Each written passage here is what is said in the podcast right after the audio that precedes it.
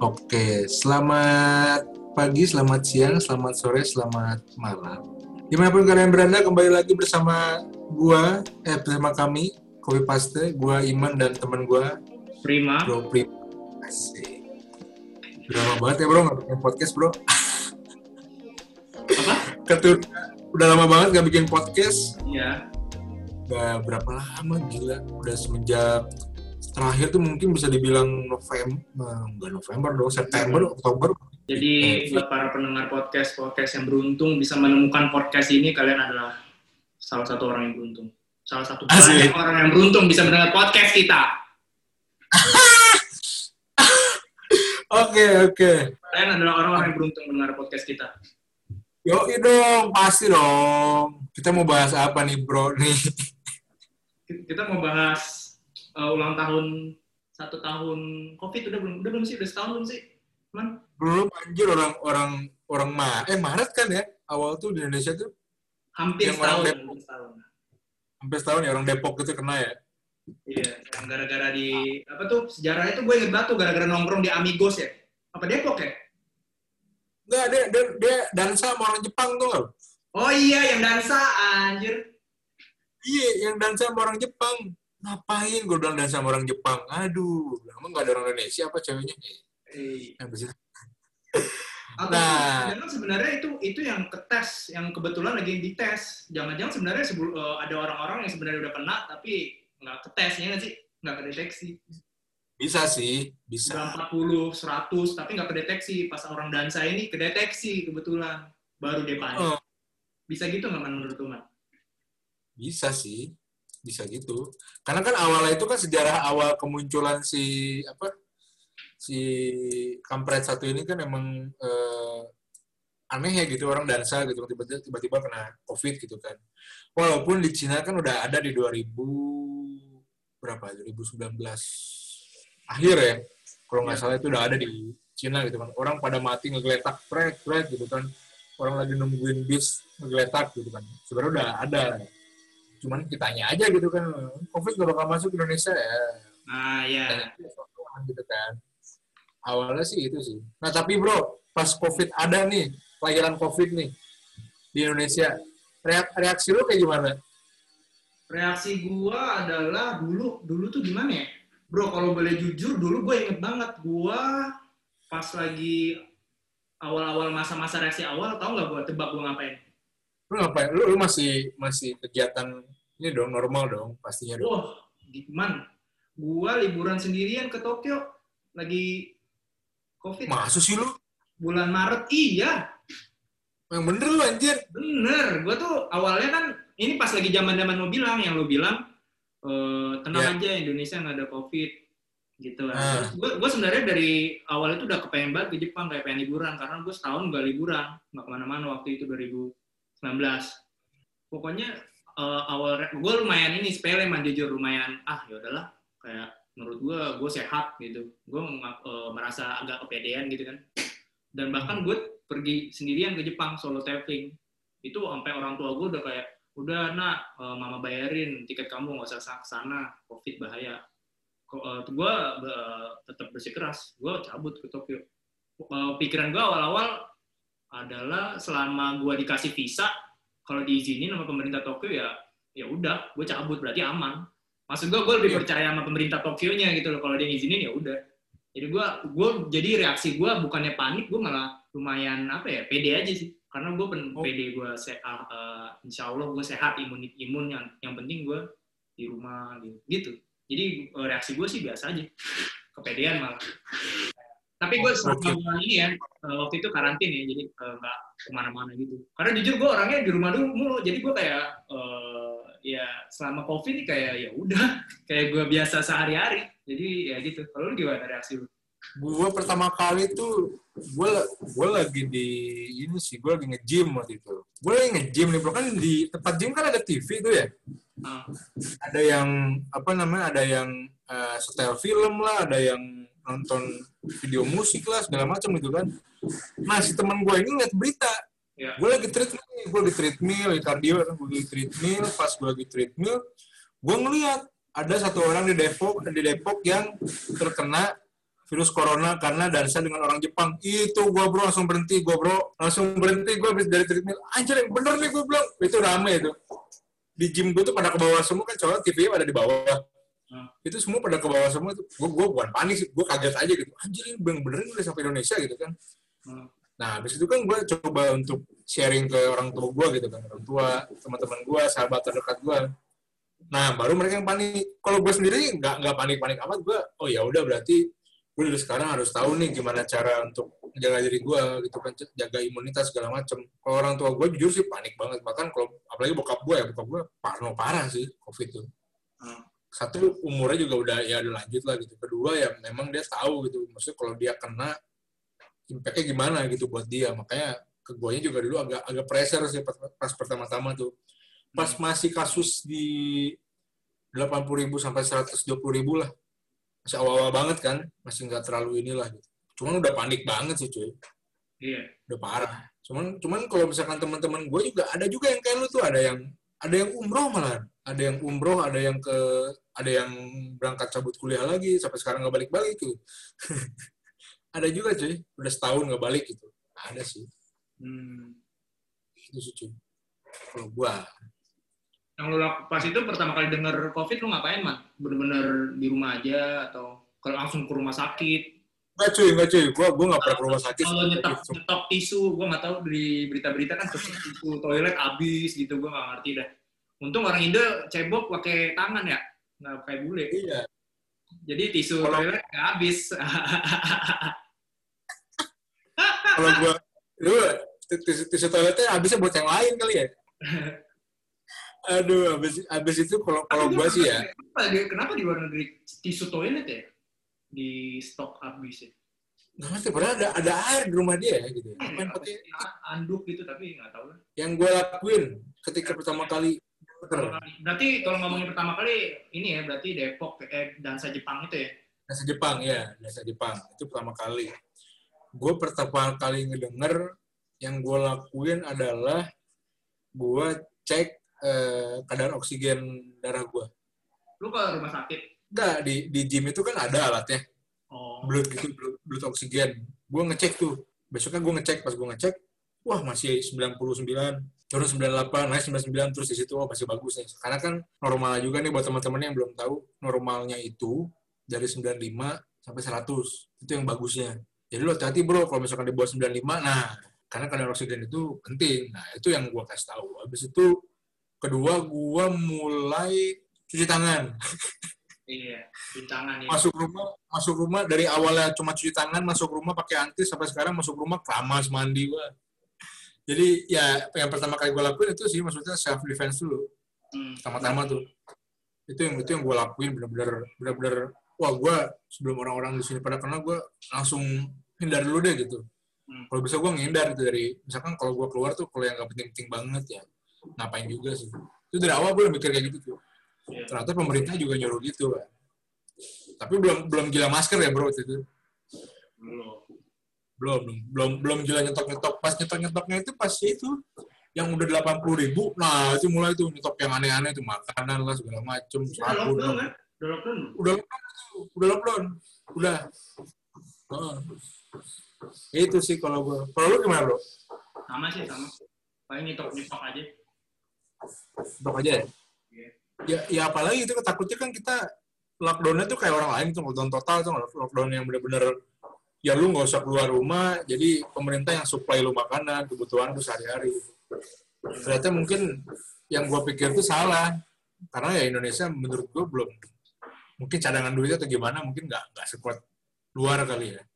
Jadinya kalau di lockdown total ya mungkin dia pemerintahnya nggak siap gitu. Karena gila banyak banget cuy kita rakyatnya buset. Orang Bogor aja pindah ke Singapura. Penuh tuh Singapura cuy. Nah bro. Kira-kira nih bro. Ah. gejalanya apa aja nih bro? Ketika lu terkena covid. Gue dari dengar dari teman-teman gue ini gue dari teman-teman gue ya bukan dari internet ya. Dia pokoknya kayak demam biasa sih. Kalau demam sakit tenggorokan Ah. nggak bisa nyium tuh paling paling terkenal tuh nggak bisa nyium apa apa tapi kalau boleh jujur bro sebenarnya dulu sebelum covid kalau nggak salah tiga bulan sekali sebulan sekali tuh gejala biasa gitu loh menurut gue gue tuh suka Yes. tenggorokan, pilek, pokoknya sebulan sekali, dua bulan sekali, tiga bulan sekali dulu. Semenjak gue corona, eh, karantin, gue nggak pernah sakit tenggorokan lagi setahun. Bener-bener, gue selama di karantin nggak pernah lagi gue sakit tenggorokan. Dulu gue yang Jakarta normal tuh, wah sebulan sekali. Itu nggak bisa di sakit tenggorokan, bingungnya gue itu. Kayak gejala pilek gitu lah, pilek lah, istilah pilek lah, biasa. Ya nggak sih, kayak mam- mampet, nggak bisa nyium, tenggorok, kalau nelen sakit. Dulu tuh gue sebulan sekali, tiga bulan sekali biasa ya. Kayak apa ya, dulu, dulu ya, jadi gue kayak merasa aneh aja, anjir. Dulu gue malah sering gejalanya ini mah gue sebulan sekali, gitu. Lu dulu merasa gitu, apa gue doang? Dulu dulu gimana, pas normal? Kalau pilek itu, gimana? Apa lu jarang pilek orangnya? Gejalanya enggak sih kalau gejalanya. Nah, kalau yang gue baca nih bro, menurut data asik, Ais. dari WHO nih. WHO itu mengeluarkan data atau statement eh, gejala coronavirus itu yang pertama dari demam tinggi disertai menggigil. Tadi buat teman-teman nih ya kan, demam tinggi yang habis itu menggigil lah. habis itu yang kedua ada batuk kering bro, batuk kering yang nggak ada dahaknya gitu, wah itu kacau juga tuh. Yang ketiga ada pilek, flu berat maksudnya, maksudnya belum benar flu berat gitu, wah itu hati juga. Yang keempat adalah hidung berair dan bersin-bersin. Nah, yang kelima nyeri tenggorokan. Nah, yang punya amandel menurut gua mah harus jaga-jaga sih. Yang punya amandel tuh harus yang ada suka sakit amandel segala macam terus jaga-jaga banget. Yang keenam, nah ini yang paling kita hindari sesak napas. Lu kalau udah sampai di titik sesak napas, udah. Berarti otomatis kadar oksigen lu turun. Jadi ya solusinya ya paling rajin olahraga, minum banyak minum air putih gitu sih. Itu gejala-gejala virus COVID. Opportunity ketika COVID. Nah, menurut lu apa, Bro? kalau ngomongin opportunity apa ya menurut gua covid ini opportunity ini opportunity buat ini benar-benar kan ini benar-benar global ya bro ngomongin ini sejarah menurut gua sejarah kan global berarti ini ngomongin umat manusia ini kesempatan umat manusia berinovasi secara digital gitu loh. Benar. benar-benar benar-benar umat manusia menurut gue. Ya. gimana caranya makanya orang eh, menurut gue orang-orang IT orang-orang komputer ini saatnya buat bikin sesuatu bikin gimana gimana ini menurut gue opportunity banget buat umat manusia bikin inovasi lah. Ini mom- momen-momen kesempatan untuk berinovasi sih menurut gue. Berinovasi secara bisnis secara medik secara obat-obat se- semua segala aspek kehidupan sih secara hubungan sama manusia, bisnis, ekonomi macam-macam. Hmm. Sama sih kalau menurut gue juga sama kayak lu. Maksudnya ini peluang buat kita ya kalau menurut gue sama sih kayak lu gitu. Apa namanya? eh, peluang juga buat kita apalagi kalau desainer gitu kan. Salah satunya desainer gitu kan di kreatif. Ya lu bisa ngebuat aplikasi apa misalnya gitu buat eh, menanggulangi atau membantu orang-orang yang lagi terdampak COVID itu bisa juga menurut gua. Habis itu ya sama peluang buat anak-anak IT, apalagi buat anak cyber security, cyber website, cyber apps, wah itu itu udah peluang banget sih menurut gua. Karena ya mau nggak mau kita kan di rumahin nih, gitu kan. Otomatis otomatis payment juga digital dong. Mau nggak mau lu pakai GoPay aja. Gua nyebut ini nih. Nyebut brand nih GoPay. nyebut GoPay atau pakai yang mana yang lain lah OVO Dana itu kan udah udah disiapin lah platformnya gitu. Otomatis kita juga harus ngerti dan kita juga harus mau nyobain hal itu gitu. Itu mungkin untuk eh, apa namanya anak-anak mudanya masih anak-anak mudanya masih bisa lah buat nyobain hal itu. Tapi tantangannya buat orang-orang terdahulu nih, orang-orang tua kita yang udah jadul banget gitu kan, yang nggak tahu GoPay itu cara makainya gimana, itu tantangan tersendiri sih cuy. Apalagi buat yang sorry itu saya buat teman-teman yang gaptek, tapi ya nyatanya kayak gitu. Teman-teman yang gaptek itu agak perjuangan juga cuy. Hmm. Karena ya nggak semuanya ngerti digital gitu. Nggak semuanya ngerti sistem payment digital atau apa pun itu yang di digital. Soalnya menurut gue COVID, kejadian COVID ini kayak apa ya, kita ini lagi di masa depan sih sebenarnya menurut gue ya, kayak eh, imajinasi gue yang dulu gue masih kecil, ngeliatin apalah, yang kayak wah gila, mobil terbang gitu-gitu. Menurut gue COVID ini salah satu momen yang apa ya turnover apa sih bahasanya transisi buat menuju masa depan gitu menurut gue. Soalnya gila ini bahkan mungkin kita ngerekam zoom gini aja ada kerekam di Amerika mana kali muka kita. Iya, masuk ke database mereka gitu. muka kita, pembicaraan kita, mungkin nggak tahu kita lagi didengerin nama siapa kayak apa ya sebenarnya gampang apa ya hacker-hacker gitu sih. Gue sebenarnya nggak paham sih, tapi kayaknya ya gitu deh rentan banget menurut gue. Iya, apalagi di, di dunia digital yang mereka punya pepatah ketika lu ngapus sesuatu di digital, sebenarnya itu nggak kehapus gitu. Iya. Karena jejak, jejak digital tuh nggak bisa nggak bisa dihapus gitu. Mereka punya database yang emang dihapus di HP lu, tapi di data mereka mereka masih bisa melihat apa yang lu tulis, apa yang lu buat, apa yang lu upload gitu. Terus menurut lu di uh, impact-nya ke industri kreatif atau di bisnis bisnis di Indonesia gimana bro? Atau di dunia? Wah ini gila sih, ini ngedrop banget. Yang pertama ya, yang pertama kalau bisnis yang paling terkena dampaknya adalah pariwisata. Benar, iya. Itu itu paling atas. Iya. Itu udah paling atas. Pertama pariwisata Indonesia pasti berkurang. Yang ke Bali berkurang, yang ke Jakarta berkurang, atau mau ke Raja Ampat pun berkurang. Yang dulunya kan gila-gilaan gitu orang masuk ke sini ke Bali tuh wah gila bahkan Indonesia, orang orang Amerika tuh nggak tahu Jakarta, tahunya Bali. Orang luar tuh nggak tahu Indonesia gitu. Tahunya Bali. Satu pariwisata, pariwisata bisa dibagi sektor pariwisata itu sendiri atau enggak yang punya travel umroh atau punya travel haji, punya travel bepergian gitu. Yeah. Kayak travel apa, habis itu pergi-pergi segala macam. Itu gue yakin impact-nya gila sih.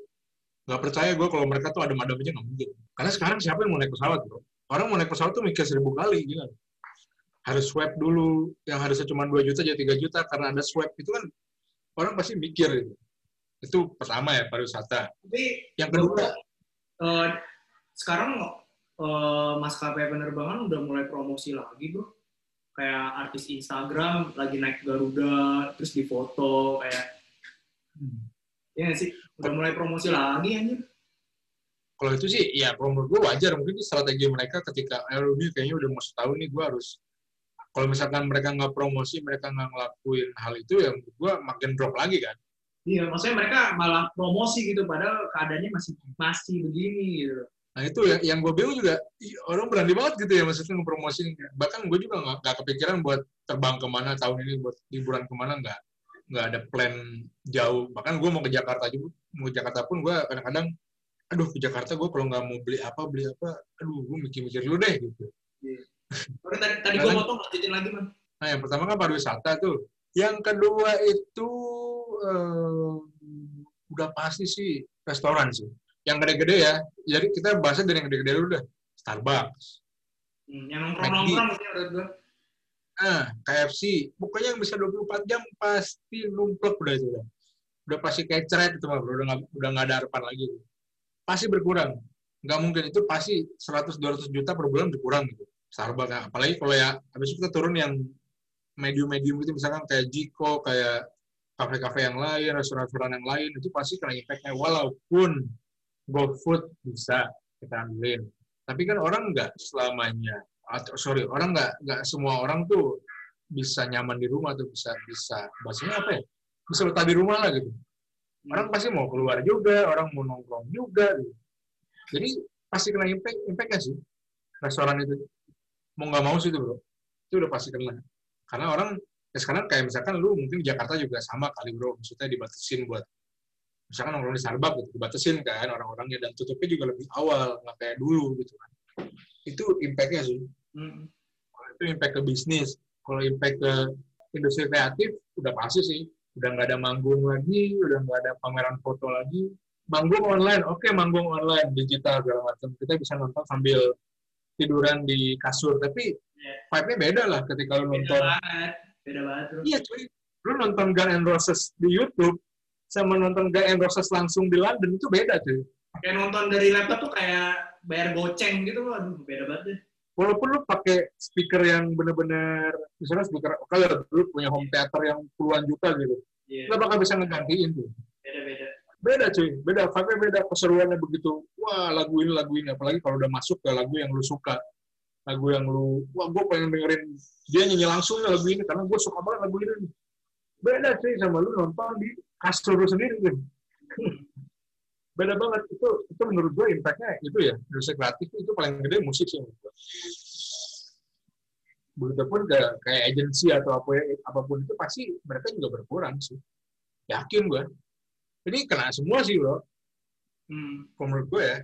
Mau dari solois mau dari solo duo trio kuarte band. Semua pasti kena cuy. Nggak mungkin nggak. Kalau menurut gue ya kalau misalnya mau ditanya impactnya besar atau enggak gede banget ini skalanya skalanya dunia soalnya. Hmm. kalau menurut lu bro Kalau menurut gua secara bisnis sama sih. Pariwisata kena ya. Terus bisnis sekarang menurut gua eh, ya gitu pakai kirim-kirim orang delivery logistik Betul. logistik apa si cepat si cepat si hari gitu itu benar-benar itu naik banget. Naik banget. Tokopedia yang online online itu naik banget. Jadi bisnisnya kayak ke pindah ke situ. Terus entertainment TV, gua nggak ngerti orang TV gimana sekarang. RCTI Indosiar, jujur gue sekarang nggak nonton TV lagi. Eh, menurut gue entertainment TV sekarang ganti ke YouTube, Instagram, TikTok itu TV zaman sekarang. mereka bingung pasti gimana gimananya ini Iya. Terus kita nge-podcast gini kayak istilahnya tuh kita kayak punya talk show sendiri. benar-benar ini kesempatan buat setiap individu apa kreatif banget. Setiap individu itu bikin gimana cara bikin konten. Kita udah nggak konsumsi konten kita bikin konten harusnya ya kalau menurut gua sebagai anak muda. Ya. terus apa ya industri kreatif tuh ya kalau musik bener sih emang harus bikin album lah gitu-gitu. Jadi nggak bisa. karena covid ini impactnya eh, eh, paling gede menurut gue eh, digital konten YouTube Spotify tuh TikTok. Wah itu gede banget itu. Dan gue lihat di berita eh, orang-orang TV kayak oh batasi streaming streaming. Kayak mereka ya bisnis lah bro. Kayak nggak kebagian jadi kasihan sih. Jangan apa kalah bisnis lah sama orang-orang streaming gitu. Eh ini gede banget. Ini sejarah sih menurut gue dalam eh, umat manusia. Makanya menurut lu ini agak relationship impactnya impactnya gimana nih impactnya nih? Relationship itu kalau gue impactnya gede juga sih. Maksudnya relationship yang mau serius nikah ya itu itu gede cuy. Maksudnya pas ketika pertama kali covid ada yang ditunda. Pahit-pahitnya malah oh, ntar aja lah nggak tahu kapan itu ditundanya tuh nggak ada kepastian cuy. Hmm. ada yang kayak gitu. Habis itu impactnya lebih ke eh, relationship tuh lebih ke lu tuh kalau mau nikah gitu itu lebih ke mikirin siapa aja yang datang gitu ya. Dulu kan nyebar undangan bodo amat gitu kan. Oh gue pilih 500 undangan gue sebarin aja semau gue gitu kan ke siapa ke siapa ke tukang parkir ke siapa ke sebarin aja. Kalau sekarang tuh bener-bener ini kita dikasih kuota yang terbatas kita udah di limit dan kita juga harus melimit teman-teman kita gitu. Hmm. jadi yang datang tuh benar-benar kita pikirin siapa aja yang datang ya gitu ya. Ini gue datangin si ini si ini si ini si ini. Itu kan jadi jadi beban pikiran juga gitu kalau menurut gue Hmm. relationship gitu kalau misalkan buat orang yang pacaran atau pacar-pacaran gitu sih ya masih oke lah masih banyak platform yang bisa video call segala macam dulu dengan mudahnya gitu kan Ya.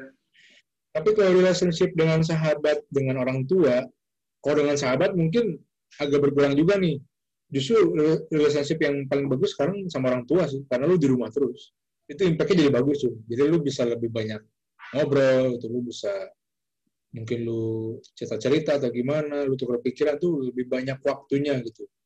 Bahkan dari orang tua ke anak pun gitu. Mungkin sekarang banyak yang WFH gitu kan. Walaupun sekarang pemerintah juga udah bolehin ke kantor berapa persen. Tapi kan tetap WFH orang lebih milih WFH kan.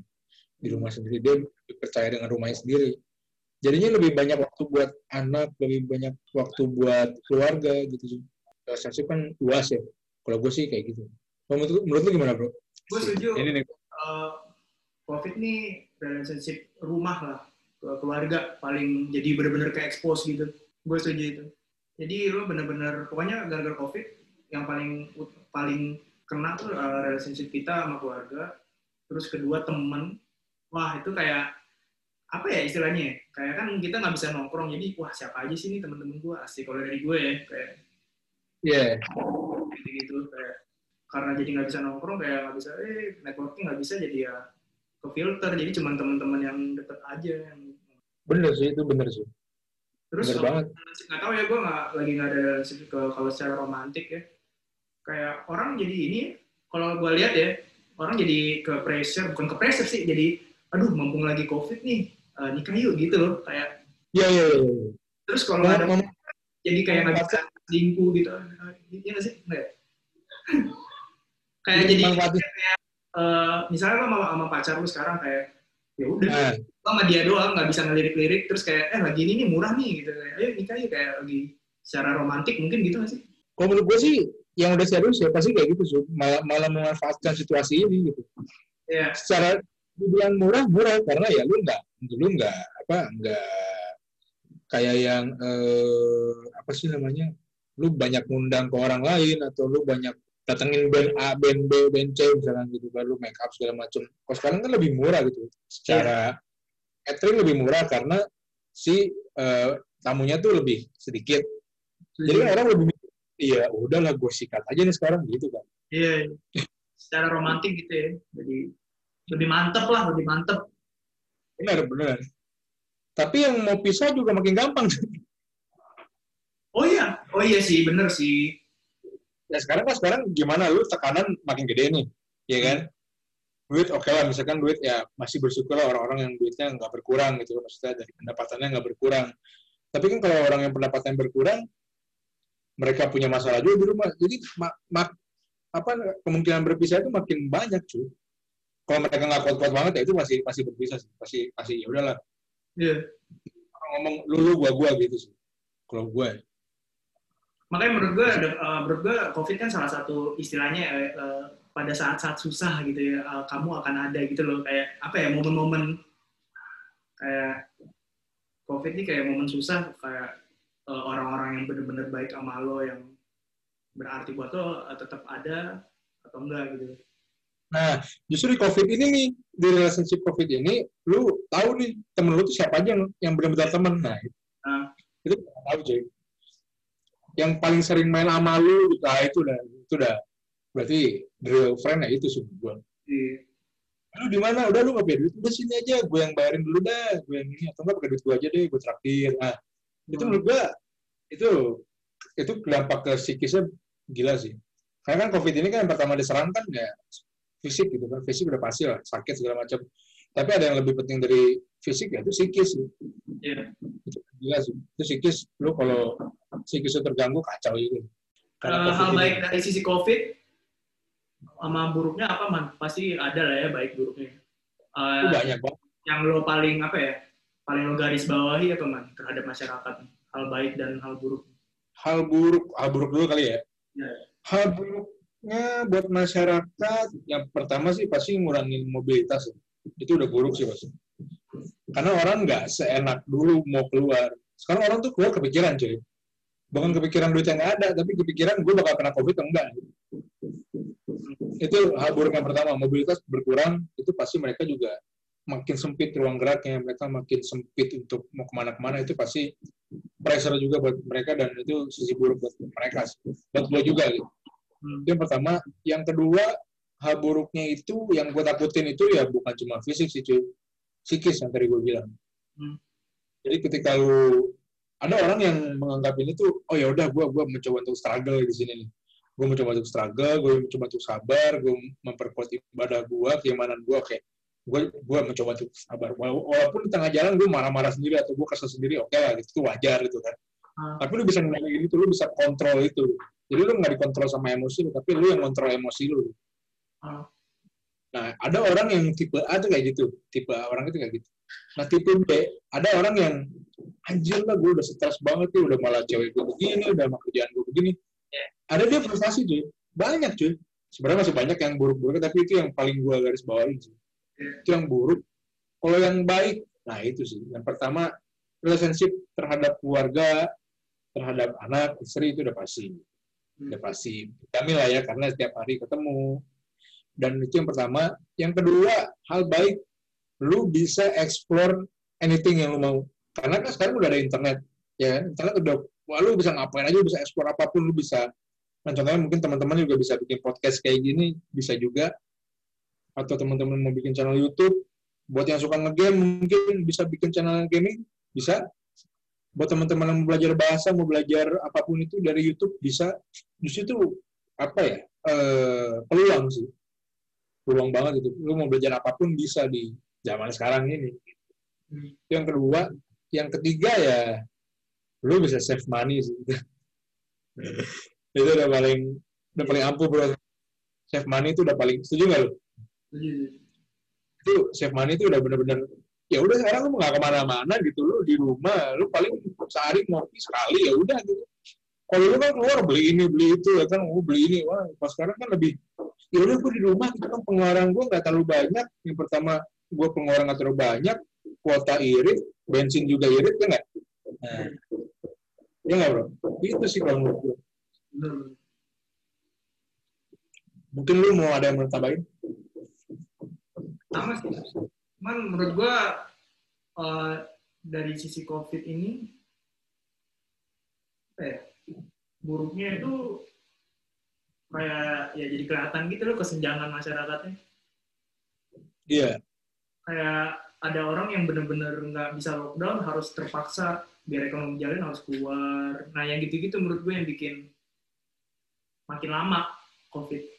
Soalnya menurut gue yang bisa dilakukan untuk menghadapi pandemi biar kelar kalau dari awal gue ini banget ya ya bener-bener putusin rantai bener-bener lockdown lockdown total. Menurut gue ya. Iya. Awal-awal tuh emang anjurnya stay at home kan biar putus rantai nggak keluar di mana-mana jadi dengan melihat keadaannya ada beberapa orang yang ekonominya nggak kuat jadi harus harus beraktivitas di luar. Kayak jadi ngeliatnya apa ya? Kalau gue ngeliat pada saat lagi apa naik-naiknya terus gue lihat di jalanan orang beraktivitas normal kayak apa ya, dampak yang sangat buruk banget sih. Kayak sebenarnya menyedihkan kayak Jakarta kan Jakarta yang katanya wah gila bro. Jakarta uh, menurut lo saat-saat ini lagi tinggi nggak bro lagi bahaya gak? Oh gila lah udah sejuta, udah sejuta gila lu bahaya banget sih menurut gue gue sepedaan nih bro Senin Jumat kayak normal. Emang iya? Ya, maksudnya mobil-mobil, maksudnya rame ya, gojek mobil gitu. Mungkin maksudnya kayak orang pada ke kantor lah gue nangkepnya. Kayak macet, kayak benar-benar orang aktivitas, terus gue jalan-jalan ke kantor adik gue basket, kayak masih aktivitas normal sebenarnya. Dampak buruknya ya itu, psikis. Jadi secara psikis orang yang udah sabar di rumah, ya itu, tapi ada orang yang secara ekonomi nggak bisa gitu kayak. Terus jadi orang yang sabar di rumah tuh kayak pengen pandemi kelar malah ulur-ulur terus. Kapan kelar nih gitu. Iya. Itu sih yang gue gue gue udah di rumah nih lu nggak keluar keluar terus gitu kan? Iya. Nah, lumayan menyedihkan lah tapi ya kalau yang namanya covid yang stressin kan jadi ya mencoba gue abain tapi keadaannya emang gitu. Kalau menurut lu gimana man untuk menghadapi pandemi ini biar kelar? Pandemi keluar gue nggak bisa ngomong sendiri sih. Kalau ini mah harus satu dunia yang harus setuju juga gitu harus harus ngelakuin hal yang sama gitu. Yang pertama kalau dari WHO gitu dari WHO itu ya ya paling penting ya menjaga ini sih jarak atau jaga apa namanya eh, imunitas itu ya udah udah. Kayak misalkan lu rutin mencuci tangan gitu. Habis dari luar itu cuci tangan sebelum makan habis makan. Lu mau ketemu orang cuci tangan. Habis itu ya ya lu pakai hand sanitizer gitu. Itu itu itu udah paling udah paling ya basic lah. Sekarang kita harus lakukan itu setiap hari gitu kan. Yeah. terus lu juga bisa oh ini menurut WHO ya hindari menyentuh hidung mata atau mulut terutama bila tangan masih kotor. Nah jadi misalkan lu lagi di luar nih tiba-tiba mata lu gatel nah, lu sebisa mungkin jangan jangan lu kucuk-kucuk mata atau hidung atau mulut. Misalkan lu main megang mulut segala macam itu bahaya cuy. Karena ya lu nggak tahu lu di luar tuh dengan orang yang lagi sehat kah dengan yang lagi sakit kah karena ya lu nggak bisa membaca itu semua gitu. ada orang yang berpura-pura eh berpura-pura sehat karena dia sakit tapi dia karena mau keluar ya dia berpura sehat aja gitu. Ada yang kayak gitu itu yang gue takutin sebenarnya. Itu tadi yang kedua yang ketiga tuh hindari kontak dengan orang yang sedang sakit. Itu udah basic banget sih. Yang sedang sakit ya lu ada temen sakit yang menurut gua bukan bukan karena ini bukan masalah pertemanan atau gimana maksudnya bukan karena ah, lu nggak temen lu sama gue lu nggak yeah. gue bukan karena ya lu ya lu tahu lah sekarang posisi kita tuh lagi kacau banget nih gitu. Dari segi apa pun kacau karena si covid ini gitu kan maksudnya lu gue gue bukan yang nggak mau ngejenguk lu gue mau tapi timingnya nggak tepat gitu Yeah. Gue bukan gue bukan nggak mau kerja, tapi gue mau kerja, tapi timingnya nggak nggak nggak ngedukung gue gitu. Yeah. Ya, kan itu pasti pasti pasti pasti ya manusiawi lah pasti ada orang ngomong kayak gitu ya ya balasnya sesimpel aja ini lagi pandemi kayak gini ya aku cuma bisa doain lu atau gue mau kirim buah-buahan atau kirim makanan ya paling gue gosen aja gitu kan itu sih habis itu eh, ya stay di rumah aja sih kalau misalkan lu lagi lu udah mulai gerak badan nih, lu mulai pusing, udah mulai kelengan ya, menurut gue lu, lu buru-buru balik ke rumah sih. Hmm. Kalau menurut gue ya. Habis itu ya hindari kontak dengan habis itu hindari bepergian, terutama ke daerah yang dengan kasus infeksi coronavirus yang lagi tinggi. Kayak gue ke Jakarta, gue, iya iya, gue gue tahu Jakarta memang titik merahnya banyak tuh, hitamnya mungkin bahkan banyak tuh. Hmm. Makanya gue mengurangi untuk Jakarta ke mana pun itu yang yang yang menurut gue wah ini bahaya nih ini gue gak boleh ke sini habis itu ya satu lagi sih cuy. Ini yang paling penting. Ya lu pencegahan virus corona ya lu harus saling ingat satu sama lain. Itu yang paling penting ngingetin eh lu udah cuci tangan belum? Lu bawa masker enggak lu bawa hand sanitizer enggak gitu. Yeah. itu paling penting cuy itu sih kalau menurut gue pencegahannya gitu apa yang apa yang gue mau gue lakuin ketika covid itu ya supaya COVID ini beres, itu cuma, nah ini cuma ada cuma ada cucu. Cumannya ini orang-orang lainnya tuh satu pikiran nggak sama kita nah. Kita kita udah ngelakuin hal ini di rumah gitu. Kita udah bersih, kita udah eh kita berusaha sebersih mungkin lah gitu, sesteril mungkin. Tapi kan pertanyaan besar yang di garis bawah itu ya orang lainnya udah kayak kita belum? Ya. Kita nih kita nih kayak gini tuh sendirian atau 10 orang, 20 orang, ratusan ribu orang atau jutaan orang nih? Kita nih ngomong kayak gini. Gitu kan? Bahkan ya masih banyak kan orang-orang yang nggak mau pakai masker ya contohnya ya presiden negara super itu ya Donald Trump gitu ya dia nggak mau pakai masker kan? Sementara WHO nyuruh ya lu pakai masker lu pakai hand sanitizer. Tapi mereka si Donald Trump nggak mau kan itu salah satu contoh yang sudah bisa dilihat jelas lah. Jadi ya gimana mau kelar gitu? Maksud gue ya orang-orang juga yang lain juga. Ya gue tahu apalagi Indonesia dengan 205 200 berapa sih bro? 200 jutaan orang lah gitu yang ada di Indonesia. Ya itu kan dinamikanya dinamikanya pasti tinggi gitu. Ada yang ada yang kelas bawah terus bawah bawah ke menengah menengah menengah ke atas kelas atas. Itu kan pasti dinamikanya banyak gitu kan dan banyak banyak hal yang apa ya yang sebenarnya kita nggak tahu tuh mereka tuh situasinya kayak gimana. Cuman ya seenggaknya lu matuin protokol kesehatan lah. Kalau misalkan lu nggak bisa di rumah gitu. protokol ya. kesehatan lu lakuin lu jaga jarak segala macam ya gue yakin insya Allah bakal selesai sih. Terlepas dari eh, apa namanya eh, konspirasi-konspirasi yang di luar-luar sana tuh terlepas dari itu ya. Yang katanya ini bikinan Amerika untuk jatuhin Trump segala macam ini by design semuanya ya. Ya ya silakan itu itu bukan bukan bukan apa ya bukan area gue buat ngomong gitu. Gue tahu maksudnya uh, ada berita kayak gini gini gini gini, gini dari bokap gue dari teman-teman gue gue tahu. Nah, ini ini ada kemungkinan by design ini adalah pengurangan jumlah penduduk segala macam gue tahu. Tapi ya terlepas dari itu ya udahlah kita nggak usah mikirin ini diciptakan oleh siapa atau emang ini murni ada walaupun katanya dulu ada yang bilang dari kelelawar tapi WHO langsung menyangkal itu kemarin-kemarin ini kan ini bukan dari hewan, berarti dari siapa dong? Bukan dari hewan. Berarti kan ini by design itu itu salah satu konspirasinya sih. Tapi terlepas dari itu semua ya, ya udahlah kita ikhtiar dulu nih menjaga kesehatan, saling support satu sama lain, ya ya usahain diri kita bahagia lah gitu. Ya. Karena ya penting cuy, bahagia sekarang itu penting. Lu lu udah udah magal di rumah, ah udah kacau gitu itu sih itu menurut gue itu yang bisa gue lakuin buat pandemi kelar. Kalau versi lu nih bro, menurut lu kayak gimana bro? Lockdown sih lockdown total kalau emang keadaannya begini biar kelar ya lockdown total kalau kuat kalau kuat. Iya. Yeah. keadaannya begini kan berarti ya ya udah mau gimana lagi jalanin aja. Benar benar. Kelihatan di lapangan sangat bro. Kalau jumlah orang yang ya gitu tuh. Tapi ya menurut gue ya lockdown total. Kalau benar-benar ngomong apa yang bisa dilakukan ya diam aja di rumah udah. Tapi bro menurut lu misalkan pemerintah lockdown total satu Indonesia semua lockdown total. Atau ya oke okay lah satu oke okay lah Pulau Jawa dulu lah lockdown total semua berat ah. menurut lu apa yang masyarakat bakal bilang ke pemerintah? Atau masyarakat bakal ngomong apa? Masyarakat apa dulu nih? Kan banyak Semuanya, semuanya, semuanya. semuanya. Ah. Kalau gua, kalau gua ya bagus karena itu biar cepet kelar karena ya kan?